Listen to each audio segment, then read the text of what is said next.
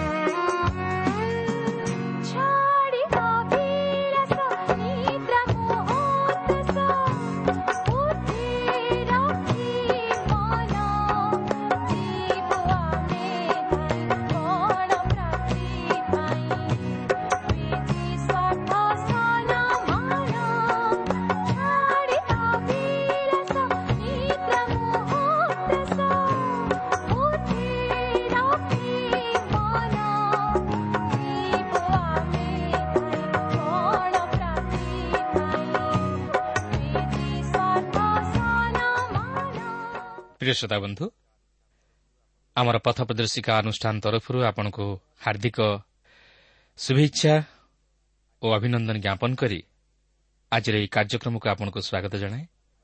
ଆପଣଙ୍କ ସହଯୋଗ ନିମନ୍ତେ ବିଶେଷ ଧନ୍ୟବାଦ। ଆପଣଙ୍କର ମତାମତ ନିମନ୍ତେ ମଧ୍ୟ ଆମେ ବିଶେଷ ଧନ୍ୟବାଦୀ।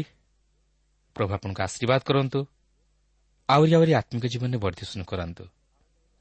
ଆମର ଅନୁରୋଧ ଆପଣ ଏହି କାର୍ଯ୍ୟକ୍ରମ ନିଜେ ଶୁଣିବା ସଙ୍ଗେ ସଙ୍ଗେ ଅନ୍ୟମାନଙ୍କୁ ଶୁଣାଇବାରେ ସାହାଯ୍ୟ କରନ୍ତୁ ଆଉ ସେମାନଙ୍କୁ ଆମ ସହ ପତ୍ର ମାଧ୍ୟମରେ ଯୋଗାଯୋଗ କରିବା ନିମନ୍ତେ ଉତ୍ସାହିତ କରନ୍ତୁ। ଆସନ୍ତୁ ପ୍ରଭୁଙ୍କର ବାକ୍ୟ ମଧ୍ୟକୁ ଯିବା ପୂର୍ବରୁ ସଂକ୍ଷେପରେ ପ୍ରାର୍ଥନା କରିବା। ପବିତ୍ର ପ୍ରଭୁ ତୁମର ପବିତ୍ର ନାମର ଧନ୍ୟବାଦ କରୁଅଛି ସୁନ୍ଦର ସମୟ ପାଇଁ ତୁମର ଜୀବନ୍ତ ବାକ୍ୟ ପାଇଁ ତୁମର ଆଶୀର୍ବାଦ ପାଇଁ ତୁମର ଅନୁଗ୍ରହ ପାଇଁ ତୁମର ପ୍ରେମ ପାଇଁ। ହଁ ପ୍ରଭୁ ଆମମାନେ ଅଯୋଗ୍ୟ ଅପଦାର୍ଥ ମନୁଷ୍ୟ ହେଲେ ମଧ୍ୟ ତୁମର ଦୟା ତୁମର ଅନୁଗ୍ରହ ତୁମର ଅନୁକମ୍ପା ଆମମାନଙ୍କ ଜୀବନ ପାଇଁ ଅତି ପ୍ରଚୁର। ଯାହାର ପ୍ରତିଦାନରେ ପ୍ରଭୁ ଆମେ ତୁମକୁ କିଛି ଦେଇପାରିନାହୁଁ କି ଦେଇ ମଧ୍ୟ ପାରିବୁ ନାହିଁ। କିନ୍ତୁ ପ୍ରଭୁ ଏତିକି ନିବେଦନ ପ୍ରାର୍ଥନା କରୁଅଛୁ। ଆଜିର ଏହି କାର୍ଯ୍ୟକ୍ରମ ମଧ୍ୟ ଦେଇ ତୁମର ବାକ୍ୟ ମଧ୍ୟ ଦେଇ ପ୍ରଭୁ ତୁମେ ଆମ ପ୍ରତ୍ୟେକଙ୍କୁ ଆତ୍ମିକ ଜୀବନରେ ଆଶୀର୍ବାଦଯୁକ୍ତ କରାଅ ଆତ୍ମିକ ଜୀବନରେ ବର୍ଦ୍ଧିଷ୍ଣୁ କରାଅ। ଆମମାନଙ୍କ ସମସ୍ତ ଆତ୍ମିକ ସମସ୍ୟାକୁ ପ୍ରଭୁ ତୁମେ ଦୂର କରିଦିଅ। ଯୀଶୁଙ୍କ ନାମରେ ମାଗୁଅଛୁ। ଆମେନ୍।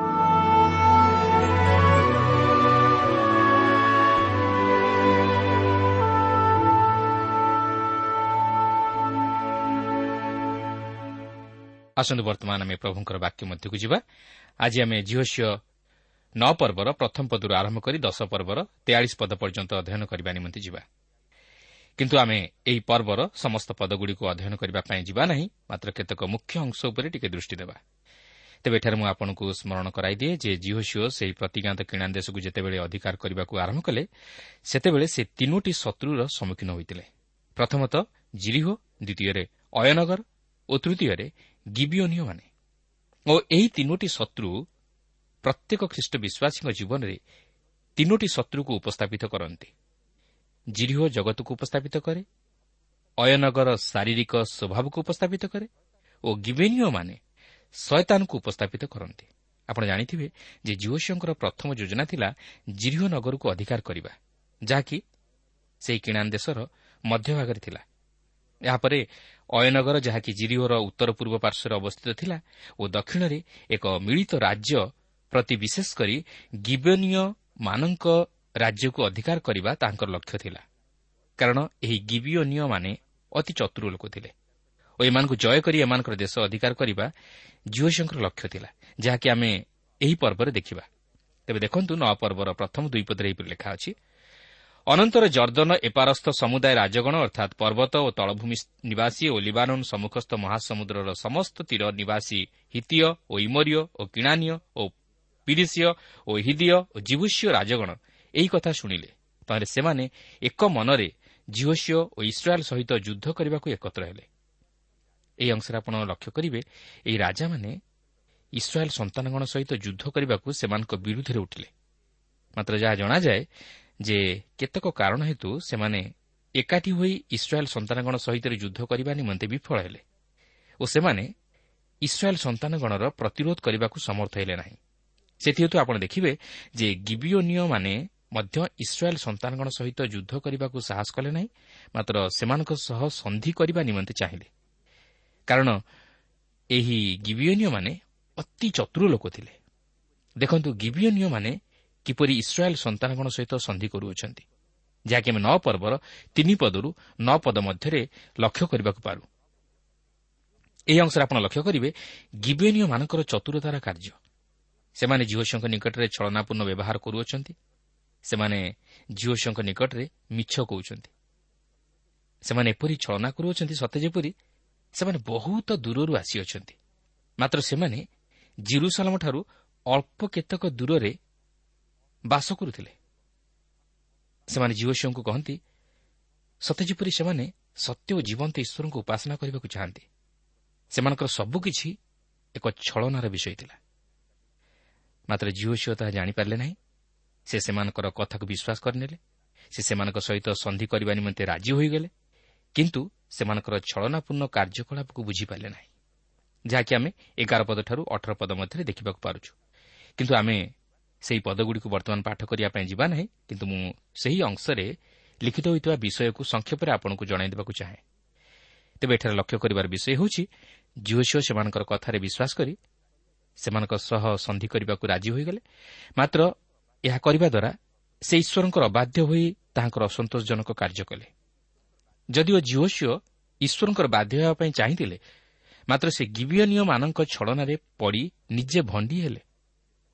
କିନ୍ତୁ ସେ ସେମାନଙ୍କ ସହିତ ଏହି ସନ୍ଧି ସ୍ଥାପନ କରିବା ପୂର୍ବରୁ ସେ କିଏ ବା ଇସ୍ରାଏଲ୍ ସନ୍ତାନଗଣ ଈଶ୍ୱରଙ୍କ ଇଚ୍ଛାକୁ ଜାଣିବା ପାଇଁ ଚାହିଁଲେ ନାହିଁ। ଫଳତଃ ଏହା ସେମାନଙ୍କ ପାଇଁ ଫାନ୍ଦ ସ୍ୱରୂପ ହେଲା। କାରଣ ଈଶ୍ୱର ପୂର୍ବରୁ ସେମାନଙ୍କୁ ଆଦେଶ ଦେଇ କହିଥିଲେ ଯେ ସେମାନେ ଯେପରି ସେହି ଦେଶରୁ ସମସ୍ତ ଲୋକମାନଙ୍କୁ ବିତାଡ଼ିତ କରନ୍ତି ଓ ସେମାନଙ୍କ ସହିତ ସନ୍ଧି ନ କରନ୍ତି ମାତ୍ର ଜିହୋସିଓ ତହାର ବିପରୀତ କାର୍ଯ୍ୟ କଲେ। ତେବେ ଆପଣଙ୍କର ମନେଥିବ ଯେ ଏଥିପୂର୍ବରୁ ଆମେ ଜିରିଓ ବିଷୟରେ ଅୟ ବିଷୟରେ ଆଲୋଚନା କରି ଦେଖିଥିଲୁ ଯେ ଜିରିଓ ଜଗତକୁ ଉପସ୍ଥାପିତ କରେ ଅୟ ଆମର ଶାରୀରିକ ପ୍ରବୃତ୍ତିକୁ ଉପସ୍ଥାପିତ କରେ ମାତ୍ର ବର୍ତ୍ତମାନ ଆମେ ତୃତୀୟ ଶତ୍ରୁକୁ ଦେଖୁଅଛୁ ଯେ କି ଗିବିଓନ୍ ଓ ଏହା ଶୟତାନକୁ ଉପସ୍ଥାପିତ କରେ। ସେଥିପାଇଁ ଏଫିସିଓ ଛଅ ପର୍ବର ଏଗାର ଓ ବାର ପଦରେ ଏହିପରି ଲେଖା ଅଛି ତୁମେମାନେ ଯେପରି ଶୟତାନର ସମସ୍ତ ଚାତୁରୀ ବିରୁଦ୍ଧରେ ଦଣ୍ଡାୟମାନ ହୋଇପାର ଏଥିନିମନ୍ତେ ଈଶ୍ୱର ଦତ୍ତ ସମସ୍ତ ସଜାରେ ଆପଣ ଆପଣାକୁ ସୁସଜ୍ଜିତ କର। କାରଣ ଆମ୍ଭମାନଙ୍କ ଯୁଦ୍ଧ ମର୍ତ୍ତ୍ୟ ବିରୁଦ୍ଧରେ ନୁହେଁ କିନ୍ତୁ ଆଧିପତ୍ୟ ବିରୁଦ୍ଧରେ କର୍ତ୍ତାପଣ ବିରୁଦ୍ଧରେ ଏହି ଅନ୍ଧକାରର ଜଗତପତିମାନଙ୍କ ବିରୁଦ୍ଧରେ ପୁଣି ଆକାଶମଣ୍ଡଳର ଦୁଷ୍ଟାତ୍ମାମାନଙ୍କ ବିରୁଦ୍ଧରେ। ବାସ୍ତବରେ ଆମର ପ୍ରକୃତ ଶତ୍ରୁ ରକ୍ତ ଓ ମାଂସର ଶତ୍ରୁ ନୁହେଁ ମାତ୍ର ଏକ ଆତ୍ମିକ ଶତ୍ରୁ। ଆଉ ସେ ହେଉଛି ଶୈତାନ। ସେଦିନ ଯେପରି ଇସ୍ରାଏଲ୍ ସନ୍ତାନଗଣକୁ ସେମାନଙ୍କର ଶତ୍ରୁମାନଙ୍କର ଛଳନାପୂର୍ଣ୍ଣ କାର୍ଯ୍ୟକୁ ଜାଣିବାକୁ ଥିଲା ଆଜି ମଧ୍ୟ ପ୍ରତ୍ୟେକଙ୍କୁ ଶୟତାନର ଚାତୁରାଇ ବିରୁଦ୍ଧରେ ଦଣ୍ଡାୟମାନ ହେବାକୁ ଅଛି। ଅର୍ଥାତ୍ ଶୟତାନର ସମସ୍ତ ଚାତୁରୀକୁ ବୁଝି ତାହାର ଚକ୍ରାନ୍ତକୁ ବିନଷ୍ଟ କରିବାକୁ ଅଛି। କିନ୍ତୁ ଆଜି କ'ଣ ଆମେ ଶୟତାନର ଚାତୁରାଇକୁ ଜାଣିବା ନିମନ୍ତେ ସକ୍ଷମ ହୋଇପାରିଛୁ କି? ଆଜି କ'ଣ ଆମେ ଶୈତାନକୁ ଚିହ୍ନିବା ନିମନ୍ତେ ସମର୍ଥ ହୋଇପାରିଛୁ କିନ୍ତୁ ଶୈତାନକୁ ଚିହ୍ନିବା ଏତେ ସହଜ ନୁହେଁ। ସେ ବିଭିନ୍ନ ପ୍ରକାର ରୂପରେ ଓ ବିଭିନ୍ନ ପ୍ରକାର ଛଳନା କରି ମନୁଷ୍ୟମାନଙ୍କୁ ତାହାର ଆୟତାଧୀନ କରିନିଏ। ସେ ମଧ୍ୟ ନିଜକୁ ଧାର୍ମିକ ଦେଖାଇ ହୁଏ। ସେ ମଧ୍ୟ ଈଶ୍ୱରଙ୍କ ବାକ୍ୟ ବିଷୟରେ ଜାଣେ। ସେ ମଧ୍ୟ କେଉଁ ଲୋକକୁ କେଉଁପରି ଭାବେ ଭୁଲାଇବାକୁ ହୁଏ ତାହା ଜାଣେ ଓ ସେ ସେହିପରି ଉପାୟରେ ତାହାକୁ ତାହାର ଫାଶରେ ବାନ୍ଧିଦିଏ। ବାସ୍ତବରେ ସେ ବଡ଼ ଚତୁର। ସେ ଆମର ଚକ୍ଷୁକୁ ଅନ୍ଧ କରିଦିଏ। ଆମେ ସବୁ କିଛି ଜାଣିଲେ ମଧ୍ୟ ତଥା ଦେଖିଲେ ମଧ୍ୟ ତାହାର ଚକ୍ରାନ୍ତରେ ପଡ଼ିଯାଉ। ଆଉ ତାହାର କାର୍ଯ୍ୟ ହେଲା ବଦ୍ଧ ଓ ବିନାଶ କରିବା। ସେଥିପାଇଁ ଦ୍ୱିତୀୟ କରନ୍ଥୀୟ ଦୁଇ ପର୍ବର ଏଗାର ପଦରେ ପ୍ରେରିତ ପାଉଲ କହନ୍ତି ଯେପରି ଶୟତାନ ଆମମାନଙ୍କର ଅପକାର କରିବାକୁ ସୁଯୋଗ ପ୍ରାପ୍ତ ନ ହୁଏ କାରଣ ଆମ୍ଭେମାନେ ତାହାର ସମସ୍ତ କଳ୍ପନା ସମ୍ବନ୍ଧରେ ଅଜ୍ଞ ନୁହଁ। ପ୍ରକୃତରେ ଆମେ ଶୈତାନର କାର୍ଯ୍ୟ ଜାଣୁ କିନ୍ତୁ ଆମେ ଜାଣି ମଧ୍ୟ ତାହାର କାର୍ଯ୍ୟ କରୁ ଓ ତାହାର ପଥରେ ଯାଉ। ଏହା ହିଁ ହେଉଛି ମନୁଷ୍ୟର ଦୁର୍ବଳତା। ଏପରିକି ଆପଣ ଗୋଟିଏ ସାନ ପିଲାକୁ ଆଣି ବା ଆପଣଙ୍କର ଯଦି ନିଜର ସାନ ଭାଇ ବା ଭଉଣୀ ଥାନ୍ତି ବା ଆପଣଙ୍କର ସାନ ପୁଅ ବା ଝିଅ ଥାନ୍ତି ତାହାକୁ ଯଦି କହିବେ ପୁଅରେ ତୁ ସେହି ଜିନିଷରେ ଲାଗିବୁ ନାହିଁ। କି ତୁ ତହିଁରେ ଖେଳିବୁ ନାହିଁ। କିନ୍ତୁ ଆପଣ ଲକ୍ଷ୍ୟ କରିବେ ଯେ ସେ ପ୍ରଥମେ ତହିଁରେ ଲାଗିବ। କାରଣ ଏହା ହେଉଛି ମନୁଷ୍ୟର ସ୍ୱଭାବ। ଯେଉଁ ବିଷୟ ମନା କରାଯାଏ ମନୁଷ୍ୟ ତାହା ପ୍ରଥମେ କରିବାକୁ ଚେଷ୍ଟା କରେ। ଏହା ମଣିଷର ସ୍ୱାଭାବିକ ଦୁର୍ବଳତା। ତେଣୁକରି ମଣିଷ ଅତି ସହଜରେ ଶୟତାନର ଜାଲରେ ପଡ଼ିଯାଏ। ତାହେଲେ ଏହି ଶୈତାନକୁ ଆମେ କିପରି ଜୟ କରିପାରିବା? ଦେଖନ୍ତୁ ଜାକୁବ ଚାରିପର୍ବର ସାତ ପଦରେ ଲେଖା ଅଛି ଅତେବ ତୁମ୍ଭେମାନେ ଈଶ୍ୱରଙ୍କର ବଶୀଭୂତ ହୁଅ। ଶୟତାନକୁ ପ୍ରତିବାଧା କର ତାହା ହେଲେ ସେ ତୁମମାନଙ୍କ ନିକଟରୁ ପଳାଇଯିବ। ପ୍ରିୟ ବନ୍ଧୁ ଆମେ ଯଦି ଶୟତାନକୁ ଜୟ କରିବାକୁ ଚାହୁଁ ତାହେଲେ ଆମକୁ ଈଶ୍ୱରଙ୍କର ବଶୀଭୂତ ହୋଇ ରହିବାକୁ ହେବ। ଅର୍ଥାତ୍ ତାହାଙ୍କର ବାକ୍ୟର ବାଧ୍ୟ ହୋଇ ବଶୀଭୂତ ହେବାକୁ ହେବ। ଆପଣ ଦେଖନ୍ତୁ ପ୍ରଭୁ ଯୀଶୁଙ୍କୁ ଯେତେବେଳେ ଶୈତାନ ପରୀକ୍ଷା କରିଥିଲା ସେତେବେଳେ ପ୍ରଭୁ ଯୀଶୁ ତାଙ୍କ ମନରୁ କିଛି କହିନଥିଲେ। ମାତ୍ର ସେ ଈଶ୍ୱରଙ୍କ ବାକ୍ୟ ଦ୍ୱାରା ତାହାର ପ୍ରତିରୋଧ କରିଥିଲେ। ଓ ଶୈତାନ ହାର ମାନିଥିଲା। ବାସ୍ତବରେ ଏହି ଦିନମାନଙ୍କରେ ଆମକୁ ବହୁତ ସତର୍କ ହୋଇ ଜୀବନଯାପନ କରିବାକୁ ହେବ। ଏହି ଜଗତ ଧ୍ୱଂସ ଆଡ଼କୁ ଗତି କରୁଅଛି। ଅନ୍ୟାୟ ଅଧର୍ମର ସୀମା ନାହିଁ। ଶୈତାନ ବର୍ତ୍ତମାନ ଲୋକମାନଙ୍କର ଆତ୍ମିକ ଚକ୍ଷୁକୁ ଏପରି ଭାବେ ଅନ୍ଧ କରିଦେଇଛି ଯେ ସେମାନେ ସବୁକିଛି ଜାଣିଲେ ମଧ୍ୟ ଶୈତାନର ପଛରେ ଚାଲନ୍ତି। ଶୈତାନର ଛଳନାରେ ଭୁଲିଯାଆନ୍ତି କିନ୍ତୁ ଆମେ ଯଦି ଶୈତାନକୁ ପ୍ରତିବାଦ ନ କରୁ ତାହେଲେ ସମୟ ଆସିବ ସେହି ଶୈତାନ ହିଁ ଆମକୁ ବିନାଶ କରିବ। କାରଣ ତାହାର କାର୍ଯ୍ୟ ହେଉଛି ବଦ୍ଧ ବା ବିନାଶ କରିବା। ପ୍ରିୟ ବନ୍ଧୁ ସେଥିପାଇଁ ଈଶ୍ୱର ଆଜି ଆମମାନଙ୍କ ନିମନ୍ତେ ତାଙ୍କର ଏହି ବାକ୍ୟ ପ୍ରଦାନ କରିଅଛନ୍ତି ଯେପରି ଆମେ ସତର୍କ ରହି ଶୈତାନର ପ୍ରତିରୋଧ କରୁ ଓ ଈଶ୍ୱରଙ୍କର ବଶୀଭୂତ ହୋଇ କାର୍ଯ୍ୟ କରୁ। କିନ୍ତୁ ଦୁଃଖର ବିଷୟ ମନୁଷ୍ୟ ଆଜି ଶୈତାନର ବଶୀଭୂତ ହୋଇ ରହିବାକୁ ଚାହେଁ କିନ୍ତୁ ଈଶ୍ୱରଙ୍କର ନୁହେଁ। କାରଣ ସେ ଜଗତକୁ ପ୍ରାପ୍ତ କରିବାକୁ ଚାହେଁ ଓ ତାହାର ଶାରୀରିକ ପ୍ରବୃତ୍ତିଗୁଡ଼ାକୁ ଚରିତାର୍ଥ କରିବାକୁ ଚାହେଁ। ସେଥିପାଇଁ ସେ ଈଶ୍ୱରଙ୍କର ବଶୀଭୂତ ହୋଇ ରହିବାକୁ ଚାହେଁ ନା କିନ୍ତୁ ଶୈତାନର ବଶୀଭୂତ ହେବା ବଡ଼ ଭୟଙ୍କର ବିଷୟ। ଯଦିଓ ଏହା କ୍ଷଣିକ ସୁଖ ଦେଇଥାଏ ମାତ୍ର ଏହାର ପରିଣାମ ବଡ଼ ଭୟଙ୍କର। ଯାହାକି ଆମେ ଅନେକଙ୍କ ଜୀବନରେ ଏହା ଘଟିବାର ଦେଖୁଅଛୁ। କାରଣ ଅସତ୍ୟ ଚିରକାଳ ନିମନ୍ତେ ସ୍ଥାୟୀ ନୁହେଁ କିନ୍ତୁ ସତ୍ୟ ଚିରକାଳ ନିମନ୍ତେ ସ୍ଥାୟୀ। ଅସତ୍ୟର ଲୋପ ଘଟେ ମାତ୍ର ସତ୍ୟର ଲୋପ ଘଟେ ନା ତେଣୁ ଆସୁ ଆମେ ଶୟତାନର ପ୍ରରୋଚନାରେ ଚାଳିତ ନ ହୋଇ ଈଶ୍ୱରଙ୍କ ବାକ୍ୟ ଦ୍ୱାରା ପରିଚାଳିତ ହେଉ ଓ ଈଶ୍ୱରଙ୍କର ବଶୀଭୂତ ହୋଇ ରହିବାକୁ ଚେଷ୍ଟା କରୁ ତାହେଲେ ଆମେ ଜୀବନର ପ୍ରତ୍ୟେକ କ୍ଷେତ୍ରରେ ସଫଳତା ଲାଭ କରିପାରିବା ଓ ସେହି ଆତ୍ମିକ ଆଶୀର୍ବାଦର ଅଧିକାରୀ ମଧ୍ୟ ହୋଇପାରିବା। ଏଠାରେ ଆପଣ ଲକ୍ଷ୍ୟ କରିବେ ଇସ୍ରାଏଲ୍ ସନ୍ତାନଗଣ ପରେ ଗିବିଓନିୟମାନଙ୍କ ସମସ୍ତ ଚକ୍ରାନ୍ତକୁ ଜାଣିଲେ ମଧ୍ୟ ଓ ସେମାନେ ଯେ ତାଙ୍କର ପ୍ରତିବାସୀ ହୋଇ ସେମାନଙ୍କ ସହିତ ଛଳନା କଲେ ତାହା ଜାଣିଲେ ମଧ୍ୟ ସେମାନେ ସେମାନଙ୍କ ସହିତ କରିଥିବା ସନ୍ଧିକୁ ରକ୍ଷା କରିଥିଲେ। କାରଣ ସେହି ସମୟରେ ଏହିପରି ସନ୍ଧି ଥରେ କରାଯିବା ପରେ ସେହି ସନ୍ଧିକୁ ରକ୍ଷା କରାଯାଉଥିଲା ଓ ସମ୍ମାନ ଦିଆଯାଉଥିଲା। ତେବେ ଦେଖନ୍ତୁ ନଅ ପର୍ବର ଉଣେଇଶ ଓ କୋଡ଼ିଏ ପଦରେ ଲେଖା ଅଛି ତହିଁରେ ଅଧିପତିଗଣ ସମସ୍ତ ମଣ୍ଡଳୀକି କହିଲେ ଆମ୍ଭେମାନେ ସେମାନଙ୍କ ସହିତ ସଦାପ୍ରଭୁ ଇସ୍ରାଏଲ୍ର ପରମେଶ୍ୱରଙ୍କ ନାମରେ ଶପଥ କରିଅଛୁ ଏହେତୁ ଏବେ ସେମାନଙ୍କୁ ସ୍ପର୍ଶ କରି ନ ପାରୁ। ଆମ୍ଭେମାନେ ସେମାନଙ୍କ ପ୍ରତି ଏହା କରିବା ସେମାନଙ୍କୁ ଜୀବନରେ ରଖିବା ନହିଲେ ସେମାନଙ୍କ ସହିତ ଯେଉଁ ଶପଥ କରିଅଛୁ ସେହି ଶପଥ ସକାଶୁ ଆମମାନଙ୍କ ପ୍ରତି କ୍ରୋଧ ଉପସ୍ଥିତ ହେବ।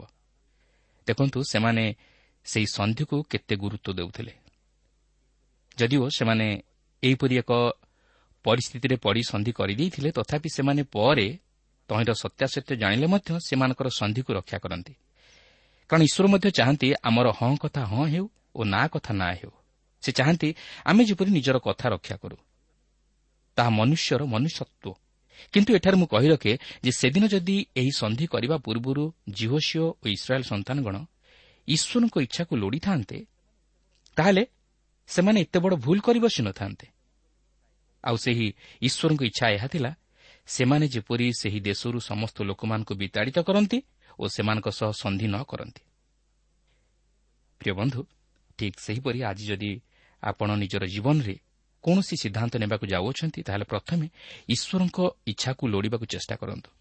କିନ୍ତୁ ନିଜର ମନକୁ ମନ କୌଣସି ସିଦ୍ଧାନ୍ତ ନିଅନ୍ତୁ ନାହିଁ କି ନିଜର ଇଚ୍ଛାକୁ ପୂର୍ଣ୍ଣ କରିବା ପାଇଁ ନିଜର ଇଚ୍ଛାରେ କୌଣସି କାର୍ଯ୍ୟ କରନ୍ତୁ ନାହିଁ। କିନ୍ତୁ ଈଶ୍ୱରଙ୍କ ନିକଟରେ ପ୍ରାର୍ଥନା କରନ୍ତୁ ଓ ତାଙ୍କର ବାକ୍ୟ ଅଧ୍ୟୟନ କରି ସେହି ବାକ୍ୟ ଦ୍ୱାରା ଈଶ୍ୱରଙ୍କ ଇଚ୍ଛାକୁ ବୁଝିବାକୁ ଚେଷ୍ଟା କରନ୍ତୁ। କାରଣ ଈଶ୍ୱର ତାଙ୍କର ଇଚ୍ଛା ତାଙ୍କର ବାକ୍ୟ ଦ୍ୱାରା ହିଁ ପ୍ରକାଶ କରିଅଛନ୍ତି। ତେଣୁ ମୋର ଅନୁରୋଧ ଆପଣ ନିଜର ଇଚ୍ଛାକୁ ପ୍ରଥମ ସ୍ଥାନ ଦିଅନ୍ତୁ ନାହିଁ ମାତ୍ର ଈଶ୍ୱରଙ୍କର ଇଚ୍ଛାକୁ ପ୍ରଥମ ସ୍ଥାନ ଦିଅନ୍ତୁ ଓ ଈଶ୍ୱରଙ୍କର ବଶୀଭୂତ ହୋଇ ରୁହନ୍ତୁ। ଦେଖନ୍ତୁ ଏହାପରେ ଇସ୍ରାଏଲ୍ ସନ୍ତାନଗଣ ସେମାନଙ୍କ ପ୍ରତି କ'ଣ କରିବା ପାଇଁ ଯାଉଅଛନ୍ତି। ନଅ ପର୍ବର ଏକୋଇଶ ଓ ସତେଇଶ ପଦରେ ଲେଖା ଅଛି ଏ ନିମନ୍ତେ ଅଧିପତିମାନେ ସେମାନଙ୍କୁ କହିଲେ ଏମାନେ ଜୀବିତ ଥାନ୍ତୁ ମାତ୍ର ଅଧିପତି ଗଣର ବାକ୍ୟାନୁସାରେ ସେମାନେ ସମସ୍ତ ମଣ୍ଡଳୀର କାଠ କଟାଳି ଓ ଜଳ କଢ଼ାଳି ହେଲେ। ପୁନଶ୍ଚ ସତେଇଶ ପଦରେ ଏହିପରି ଲେଖା ଅଛି ଆଉ ଜୁହସିଓ ସେମାନଙ୍କୁ ସେହି ଦିନରୁ ଆଜି ଯାଏ ସଦାପ୍ରଭୁଙ୍କ ମନୋନୀତ ସ୍ଥାନରେ ମଣ୍ଡଳୀର ଓ ସଦାପ୍ରଭୁଙ୍କ ଯଜ୍ଞବେଦୀର କାଠ କଟାଳି ଓ ଜଳ କଢ଼ାଳି କଲେ। ସେମାନେ ଯେଉଁପରି ଭାବରେ ଚଳନା କରି ଇସ୍ରାଏଲ୍ ସନ୍ତାନଗଣକୁ ଭୁଲାଇଥିଲେ ତହିଁର ପ୍ରତିଫଳ ମଧ୍ୟ ଭୋଗ କଲେ। କାରଣ ମନୁଷ୍ୟ ନିଜ କର୍ମର ସମୁଚିତ ଫଳ ଭୋଗ କରେ। କିନ୍ତୁ ମୋର କହିବାର କଥା ଆମେ କାଦୁଅକୁ ଯିବା କାହିଁକି? ଘୋଡ଼ ଧୋଇବା କାହିଁକି? ଜୀବନରେ ଭୁଲ କରିବା କାହିଁକି? ପସ୍ତେଇବା କାହିଁକି? ଅବଶ୍ୟ ମନୁଷ୍ୟ ଜୀବନରେ ଭୁଲ ରହିଅଛି। ଜାଣତରେ ହେଉ ବା ଅଜାଣତରେ ହେଉ ଆମେ ଭୁଲ କରିବସୁ। କିନ୍ତୁ ଆମେ ଜାଣି ଜାଣି ଭୁଲ କରିବା କାହିଁକି? ଆଉ ଅସୁବିଧାର ସମ୍ମୁଖୀନ ହେବା କାହିଁକି? ତେଣୁ ଆସୁ ଜୀବନର ପ୍ରତ୍ୟେକଟି ପଦକ୍ଷେପରେ ଆମେ ଯେପରି ଜଗି ରଖି ଚାଲିବାକୁ ପାରୁ ଓ ଶୈତାନର ସମସ୍ତ ଚାତୁରାଇ ବିରୁଦ୍ଧରେ ଛିଡ଼ା ହେବାକୁ ପାରୁ ଏଥିନିମନ୍ତେ ଈଶ୍ୱରଙ୍କର ବଶୀଭୂତ ହୋଇ ରହିବାକୁ ଚେଷ୍ଟା କରୁ ଓ ତାହାଙ୍କର ବାକ୍ୟ ଅନୁଯାୟୀ ଜୀବନଯାପନ କରିବା ନିମନ୍ତେ ଚେଷ୍ଟା କରୁ। ବର୍ତ୍ତମାନ ଆମେ ଦଶ ପର୍ବ ମଧ୍ୟକୁ ଯିବା। ଏହି ପର୍ବର ମୁଖ୍ୟ ଆଲୋଚନାର ପ୍ରସଙ୍ଗ ହେଉଛି ଜିଓସିଓଙ୍କର ପାଞ୍ଚ ଜଣ ରାଜାଙ୍କୁ ଜୟ କରିବା ଓ ସୂର୍ଯ୍ୟ ସ୍ଥଗିତ ହେବା। ଏହି ପର୍ବରେ ଆମେ ଦେଖିବାକୁ ଯିବା ଯେ ଜିଓସିଓ ଇମୋରିୟମାନଙ୍କର ପାଞ୍ଚ ରାଜାଙ୍କୁ ଜୟ କରି ଦାକ୍ଷିଣାତ୍ୟ ଅଞ୍ଚଳକୁ ଅଧିକାର କରିନେଲେ। ଏଠାରେ ଆପଣଙ୍କୁ କହି ରଖେ ଯେ ଜୁହସିଓ ଗିବିଓନିୟମାନଙ୍କ ସହ ସନ୍ଧି କରିବା ହେତୁ ସେହି ଗିବିଓନିୟମାନଙ୍କ ବିରୁଦ୍ଧରେ ଇମୋରିୟମାନଙ୍କର ପାଞ୍ଚ ରାଜା ମିଳିତ ହୋଇ ଯୁଦ୍ଧ କରିବାକୁ ଆଗେଇ ଆସିଲେ। ତେଣୁକରି ଆପଣ ଦେଖିବେ ଏହି ପର୍ବରେ ଯେଉଁ ସବୁ ଘଟଣା ଘଟିଗଲା ତହିଁର ପଛରେ କେବଳ ଗୋଟିଏ କାରଣ ଥିଲା ଜିଓସିଓଙ୍କର ଗିବିଓନିୟମାନଙ୍କ ସହିତ ସନ୍ଧି। କିନ୍ତୁ ଏହି ପାଞ୍ଚ ରାଜା ଗିବିଓନିୟମାନଙ୍କ ବିରୁଦ୍ଧରେ ଯୁଦ୍ଧ କରିବାକୁ ଉଠିବାର ଆଉ ଏକ କାରଣ ହେଉଛି ଯେ ଏହି ଗିବିଓନ୍ ଏକ ରାଜଧାନୀ ତୁଲ୍ୟ ବୃହତ୍ ନଗର। ଓ ଅୟ ଅପେକ୍ଷା ବଡ଼ ଥିଲା। ପୁଣି ତହିଁର ଲୋକମାନେ ବୀର ଥିଲେ ଯାହାକି ଆମେ ଦଶ ପର୍ବର ପ୍ରଥମ ଚାରିପଦରେ ଲକ୍ଷ୍ୟ କରିବାକୁ ପାରୁ। ତେବେ ଏହି ଅଂଶ ପାଠ କରିବା ପରେ ଆପଣ ବୁଝିପାରୁଥିବେ ଯେ ଗିବିଓନ୍ ଇସ୍ରାଏଲ୍ ସହିତ ସନ୍ଧି କରିବା ଦ୍ୱାରା ଏହି ପାଞ୍ଚ ରାଜା ମିଳିତ ହୋଇ ଗିବିଓନ୍ ବିରୁଦ୍ଧରେ ଯୁଦ୍ଧ କରିବାକୁ ଉଠିଲେ ଯାହାକି ପାଞ୍ଚ ପଦରେ ମଧ୍ୟ ସ୍ପଷ୍ଟ ଭାବେ ଲେଖା ଅଛି। ତେବେ ବର୍ତ୍ତମାନ ଲକ୍ଷ୍ୟ କରିବାର ବିଷୟ ହେଉଛି ଗିବିଓନୀୟମାନେ କେଉଁ ପ୍ରକାର ପଦକ୍ଷେପ ନେବାକୁ ଯାଉଅଛନ୍ତି। ଦେଖନ୍ତୁ ଦଶ ପର୍ବର ଛଅ ପଦରେ ଲେଖା ଅଛି। ଏଥିରେ ଗିବିଓନୀୟ ଲୋକମାନେ ଗିଲଗଲ ସ୍ଥିତ ଛାଉଣିକି ଝିଅସିଙ୍କ ନିକଟକୁ କହି ପଠାଇଲେ ତୁମ୍ଭେ ଆପଣାର ଏହି ଦାସମାନଙ୍କଠାରୁ ଆପଣା ହାତ କାଢ଼ି ନ ନିଅ। ଶୀଘ୍ର ଆମମାନଙ୍କ ନିକଟକୁ ଆସ ଆମମାନଙ୍କୁ ଉଦ୍ଧାର କର ଓ ଆମମାନଙ୍କୁ ଉପକାର କର କାରଣ ପର୍ବତ ନିବାସୀ ମୋରିୟମାନଙ୍କ ସମସ୍ତ ରାଜା ଆମମାନଙ୍କ ବିରୁଦ୍ଧରେ ଏକତ୍ର ହୋଇଅଛନ୍ତି। ଦେଖନ୍ତୁ ଗିବିଓନୀୟମାନେ ଝିଅସିଓଙ୍କର ସାହାଯ୍ୟ ଲୋଡ଼ୁଅଛନ୍ତି। ଯେହେତୁ ଝିଅସିଓ ସେମାନଙ୍କ ସହିତ ସନ୍ଧି କରିଥିବା ହେତୁ ସେମାନେ ଝିଅସିଓଙ୍କର ସାହାଯ୍ୟ ଆଶା କରୁଅଛନ୍ତି। ତେବେ ଦେଖନ୍ତୁ ଜିହୋସିଓ କିପରି ସେମାନଙ୍କୁ ସାହାଯ୍ୟ କରିବା ପାଇଁ ଯାଉଅଛନ୍ତି। ସାତ ପଦରୁ ନଅ ପଦ ମଧ୍ୟରେ ଲେଖା ଅଛି ତହିଁରେ ଜିହୋସିଓ ଓ ତାହାଙ୍କ ସହିତ ସମସ୍ତ ଯୋଦ୍ଧା ଓ ମହାବିକ୍ରମଶାଳୀ ସମସ୍ତ ଲୋକ ଗିଲଗଲରୁ ଯାତ୍ରା କଲେ। ଏଥିରେ ସଦାପ୍ରଭୁ ଜିଓସିଓଙ୍କୁ କହିଲେ ସେମାନଙ୍କୁ ଭୟ ନ କର କାରଣ ଆମ୍ଭେ ସେମାନଙ୍କୁ ତୁମ୍ଭ ହସ୍ତରେ ସମର୍ପଣ କଲୁ। ସେମାନଙ୍କ ମଧ୍ୟରୁ ଜଣେ ହେଲେ ତୁମ୍ଭ ସମ୍ମୁଖରେ ଛିଡ଼ା ହୋଇପାରିବ ନାହିଁ। ତେଣୁ ଜିହୋସିଓ ଅକସ୍ମାତ୍ ସେମାନଙ୍କ ନିକଟରେ ଉପସ୍ଥିତ ହେଲେ ସେ ଗିଲଗଲଠାରୁ ରାତ୍ରିଯାକ ଚାଲିଲେ। ତେବେ ଏଠାରେ ଲକ୍ଷ୍ୟ କରିବେ ଝିଅ ସେମାନଙ୍କ ନିକଟକୁ ଆସି ସେମାନଙ୍କୁ ସାହାଯ୍ୟ କରିବାରେ ଦୁଇଟି କାରଣ ଥାଇପାରେ। ପ୍ରଥମ କାରଣ ହେଲା ସେ ସେମାନଙ୍କ ସହିତ ସନ୍ଧି କରିଥିବାରୁ ସେମାନଙ୍କୁ ସାହାଯ୍ୟ କରିବା ନିମନ୍ତେ ଆସିଥିଲେ। ଓ ଦ୍ୱିତୀୟ କାରଣଟି ହେଉଛି ଏହା ହୋଇପାରେ ଯେ ଈଶ୍ୱର ତାହାଙ୍କୁ ଏହି କିଣାନ୍ ଦେଶରୁ ତାହାଙ୍କର ଶତ୍ରୁମାନଙ୍କୁ ଦମନ କରିବା ନିମନ୍ତେ କହିଥିବାରୁ ସେ ସେମାନଙ୍କୁ ସାହାଯ୍ୟ କରିବା ନିମନ୍ତେ ଆସିଥିଲେ। ଓ ସେ ଅତି ଚମତ୍କାର ତଥା ଅତର୍କିତ ଭାବେ ଆସି ସେହି ଇମୋରିୟମାନଙ୍କର ପାଞ୍ଚ ରାଜାଙ୍କୁ ପରାସ୍ତ କରି ସେମାନଙ୍କର ଦେଶ ଅଧିକାର କରିଥିଲେ ଓ ଈଶ୍ୱର ସେହି ଇମୋରିୟମାନଙ୍କୁ ଇସ୍ରାଏଲ୍ ସମ୍ମୁଖରେ ପରାସ୍ତ କରାଇଥିଲେ ଓ ସେମାନଙ୍କୁ ଛିନ୍ନ ଭିନ୍ନ କରିଦେଇଥିଲେ। ବାସ୍ତବରେ ଏହା ଏକ ଚମତ୍କାର ବିଷୟ। ଚିନ୍ତା କରନ୍ତୁ ପାଞ୍ଚ ଜଣ ରାଜାଙ୍କ ସହିତ ଯୁଦ୍ଧ କରି ସେମାନଙ୍କୁ ହରାଇବା କ'ଣ ସହଜ ବିଷୟ? ମାତ୍ର ଜିହସିଓ ଓ ତାଙ୍କର ଯୋଦ୍ଧାମାନେ ଏହି ବିଜୟ ହାସଲ କରିଥିଲେ ଯେହେତୁ ଈଶ୍ୱର ସେମାନଙ୍କ ସହିତରେ ଥିଲେ ଓ ସେ ତାହାଙ୍କର ପ୍ରତିଜ୍ଞା ଅନୁଯାୟୀ ଇସ୍ରାଏଲ୍ ସନ୍ତାନଗଣକୁ ସେହି ସମସ୍ତ ଅଞ୍ଚଳ ଦେବାକୁ ଯାଉଥିଲେ। କିନ୍ତୁ ଏଠାରେ ଏକ ଆଶ୍ଚର୍ଯ୍ୟ ବିଷୟ ଆପଣ ଲକ୍ଷ୍ୟ କରିବେ ଯେ ସୂର୍ଯ୍ୟ ଆକାଶର ମଧ୍ୟସ୍ଥାନରେ ପ୍ରାୟ ସମ୍ପୂର୍ଣ୍ଣ ଏକ ଦିନ ପର୍ଯ୍ୟନ୍ତ ସ୍ଥଗିତ ରହିଲା ଓ ଚନ୍ଦ୍ର ମଧ୍ୟ ସ୍ଥଗିତ ରହିଲା। ବାରପଦରୁ ଚଉଦ ପଦ ମଧ୍ୟରେ ଲେଖା ଅଛି ସଦାପ୍ରଭୁ ଇସ୍ରାଏଲ୍ ସନ୍ତାନଗଣ ସମ୍ମୁଖରେ ଇମୋରିୟମାନଙ୍କୁ ସମର୍ପଣ କରିବା ଦିନ ଝିଓସିଓ ସଦାପ୍ରଭୁ କହିଲେ ପୁଣି ସେ ଇସ୍ରାଏଲ୍ଙ୍କ ସାକ୍ଷାତରେ କହିଲା ସୂର୍ଯ୍ୟ ଗିବିଓନ୍ ଉପରେ ତୁମ୍ଭେ ସ୍ତବ୍ଧ ହୁଅ ଆଉ ଚନ୍ଦ୍ର ତୁମେ ଅୟାଲୋନ୍ ତଳଭୂମିରେ ସ୍ତବ୍ଧ ହୁଅ। ତହିଁରେ ଲୋକମାନେ ଆପଣ ଶତ୍ରୁମାନଙ୍କଠାରୁ ପରିଶୋଧ ନେବା ପର୍ଯ୍ୟନ୍ତ ସୂର୍ଯ୍ୟ ସ୍ତବ୍ଧ ହେଲା ଓ ଚନ୍ଦ୍ର ସ୍ଥଗିତ ହେଲା। ଏହା କି ଜାସର ପୁସ୍ତକରେ ଲେଖା ନାହିଁ? ଆଉ ସୂର୍ଯ୍ୟ ଆକାଶର ମଧ୍ୟସ୍ଥାନରେ ସ୍ଥଗିତ ରହିଲା ଓ ପ୍ରାୟ ସମ୍ପୂର୍ଣ୍ଣ ଏକ ଦିନ ଅସ୍ତ ଯିବାକୁ ଚଞ୍ଚଳ ହେଲା ନାହିଁ। ଯେଉଁଦିନ ସଦାପ୍ରଭୁ ମନୁଷ୍ୟର ରବ ଏରୂପ ଶୁଣିଲେ ଏଥିପୂର୍ବେ ବା ଏ ଉତାରେ ଏପରି ଦିନ ଆଉ ହୋଇନାହିଁ। ଲକ୍ଷ୍ୟ କରିବେ ଏହି ଅଂଶରେ ଏକ ଆଶ୍ଚର୍ଯ୍ୟ ରକମର ଘଟଣା ଯାହାକି ସୂର୍ଯ୍ୟ ଓ ଚନ୍ଦ୍ର ମଧ୍ୟ ସ୍ଥଗିତ ହୋଇ ରହିଗଲା। ପୁଣି ସୂର୍ଯ୍ୟ ଆକାଶର ମଧ୍ୟସ୍ଥାନରେ ସ୍ଥଗିତ ହୋଇ ରହିଲା। ତେବେ ଏହା ଶୁଣିଲା ପରେ ଆପଣଙ୍କୁ ବୋଧହୁଏ ଆଶ୍ଚର୍ଯ୍ୟ ଲାଗୁଥିବ ଯେ ସୂର୍ଯ୍ୟ କିପରି ସ୍ଥଗିତ ହୋଇ ରହିଲା। ହଁ ଏହା ଆପଣଙ୍କୁ ମୋତେ ମଧ୍ୟ ଆଶ୍ଚର୍ଯ୍ୟ ଲାଗେ। ମାତ୍ର ଏହା ଈଶ୍ୱରଙ୍କ ନିକଟରେ ସମ୍ଭବ। ଯେହେତୁ ସେ ହେଉଛନ୍ତି ସୌର ଜଗତର ନିୟନ୍ତ୍ରଣକର୍ତ୍ତା। ଆଉ ମୁଁ ବିଶ୍ୱାସ କରେ ଯେ ଈଶ୍ୱର ଏହି ଆଶ୍ଚର୍ଯ୍ୟ କର୍ମ ସାଧନ କରିବା ନିମନ୍ତେ ସମ୍ପୂର୍ଣ୍ଣ ସୌର ଜଗତର ପରିକ୍ରମଣକୁ ବନ୍ଦ କରିଦେଇଥିଲେ। ତେଣୁକରି ସୂର୍ଯ୍ୟ ମଧ୍ୟ ସ୍ଥଗିତ ରହିଲା। ତେବେ ଏପରି କରିବାର କାରଣ କ'ଣ ଥିଲା? ଯେହେତୁ ଜିହୋସିଓ ଯୁଦ୍ଧ କରିବା ନିମନ୍ତେ ଅଧିକ ସମୟ ପର୍ଯ୍ୟନ୍ତ ଆଲୋକ ଚାହିଁଥିଲେ ତେଣୁକରି ଈଶ୍ୱର ସୌର ଜଗତର କାର୍ଯ୍ୟକ୍ରମକୁ ବନ୍ଦ କରି ସୂର୍ଯ୍ୟକୁ ସ୍ଥଗିତ କରିଥିଲେ ଓ ଶିଳାବୃଷ୍ଟି ସହିତ ଝଡ଼ ଦ୍ୱାରା ସୂର୍ଯ୍ୟର ଉତ୍ତାପକୁ ନିସ୍ତେଜ କରିଥିଲେ ଯଦ୍ୱାରା ଝିଅସିଓ ଅଧିକ ସମୟ ପର୍ଯ୍ୟନ୍ତ ଯୁଦ୍ଧ କରିବା ନିମନ୍ତେ ସକ୍ଷମ ହୋଇପାରିଥିଲେ।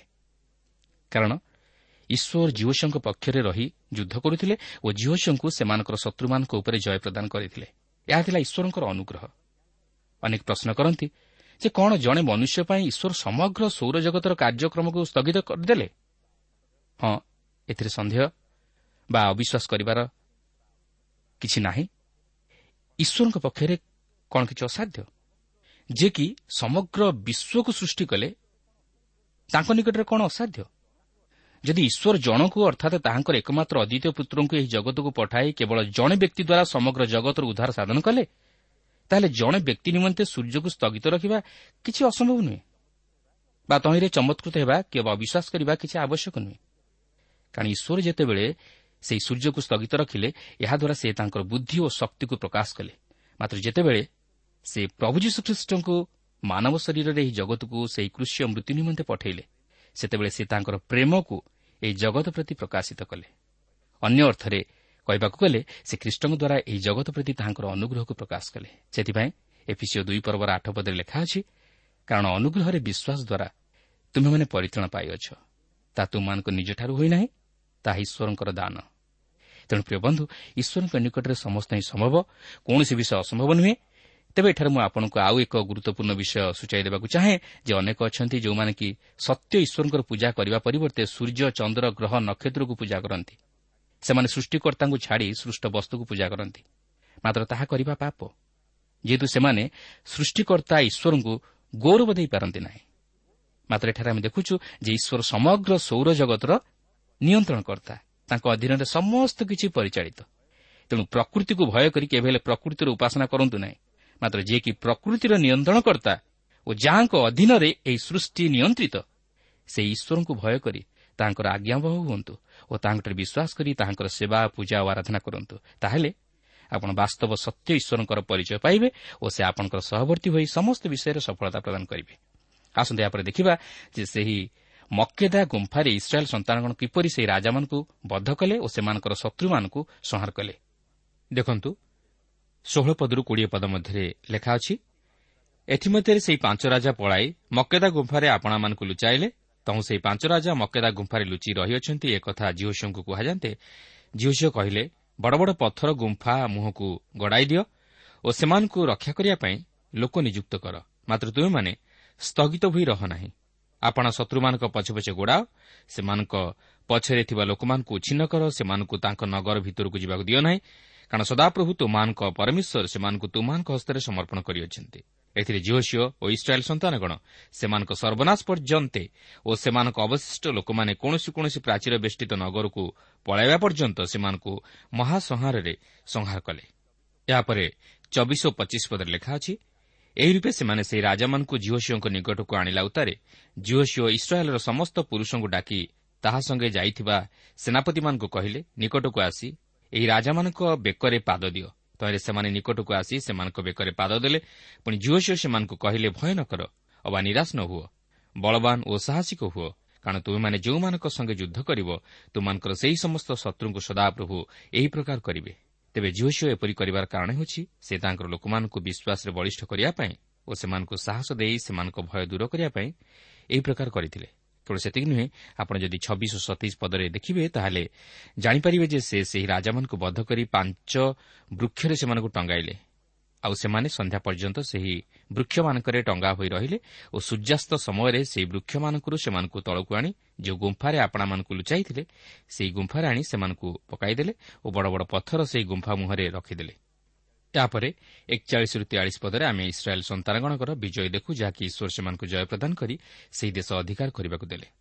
କିନ୍ତୁ ଆଜି ଆମର ବିଜୟ ହାସଲ ସେହି ଖ୍ରୀଷ୍ଟଙ୍କଠାରେ ଅଛି। ଯଦି ଆମେ ପ୍ରଭୁ ଯୀଶୁଖ୍ରୀଷ୍ଟଙ୍କୁ ନିଜ ହୃଦୟରେ ଗ୍ରହଣ କରିବା ତାହେଲେ ସେ ଆମମାନଙ୍କୁ ଏକ ବିଜୟୀ ଜୀବନ ଯାପନ କରିବା ନିମନ୍ତେ ଶକ୍ତି ଦେବେ। ପ୍ରଭୁ ପ୍ରତ୍ୟେକଙ୍କୁ ଏହି ସଂକ୍ଷିପ୍ତ ଆଲୋଚନା ମଧ୍ୟ ଦେଇ ଆଶୀର୍ବାଦ କରନ୍ତୁ।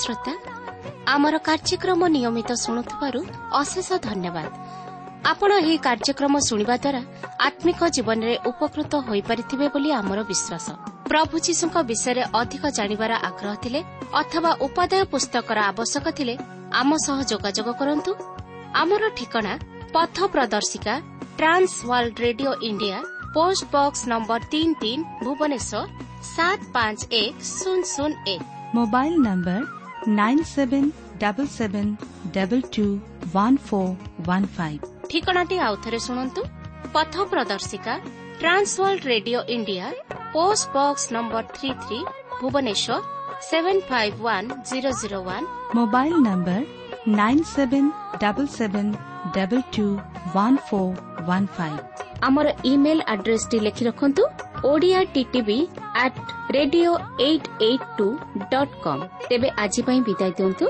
ନମସ୍କାର।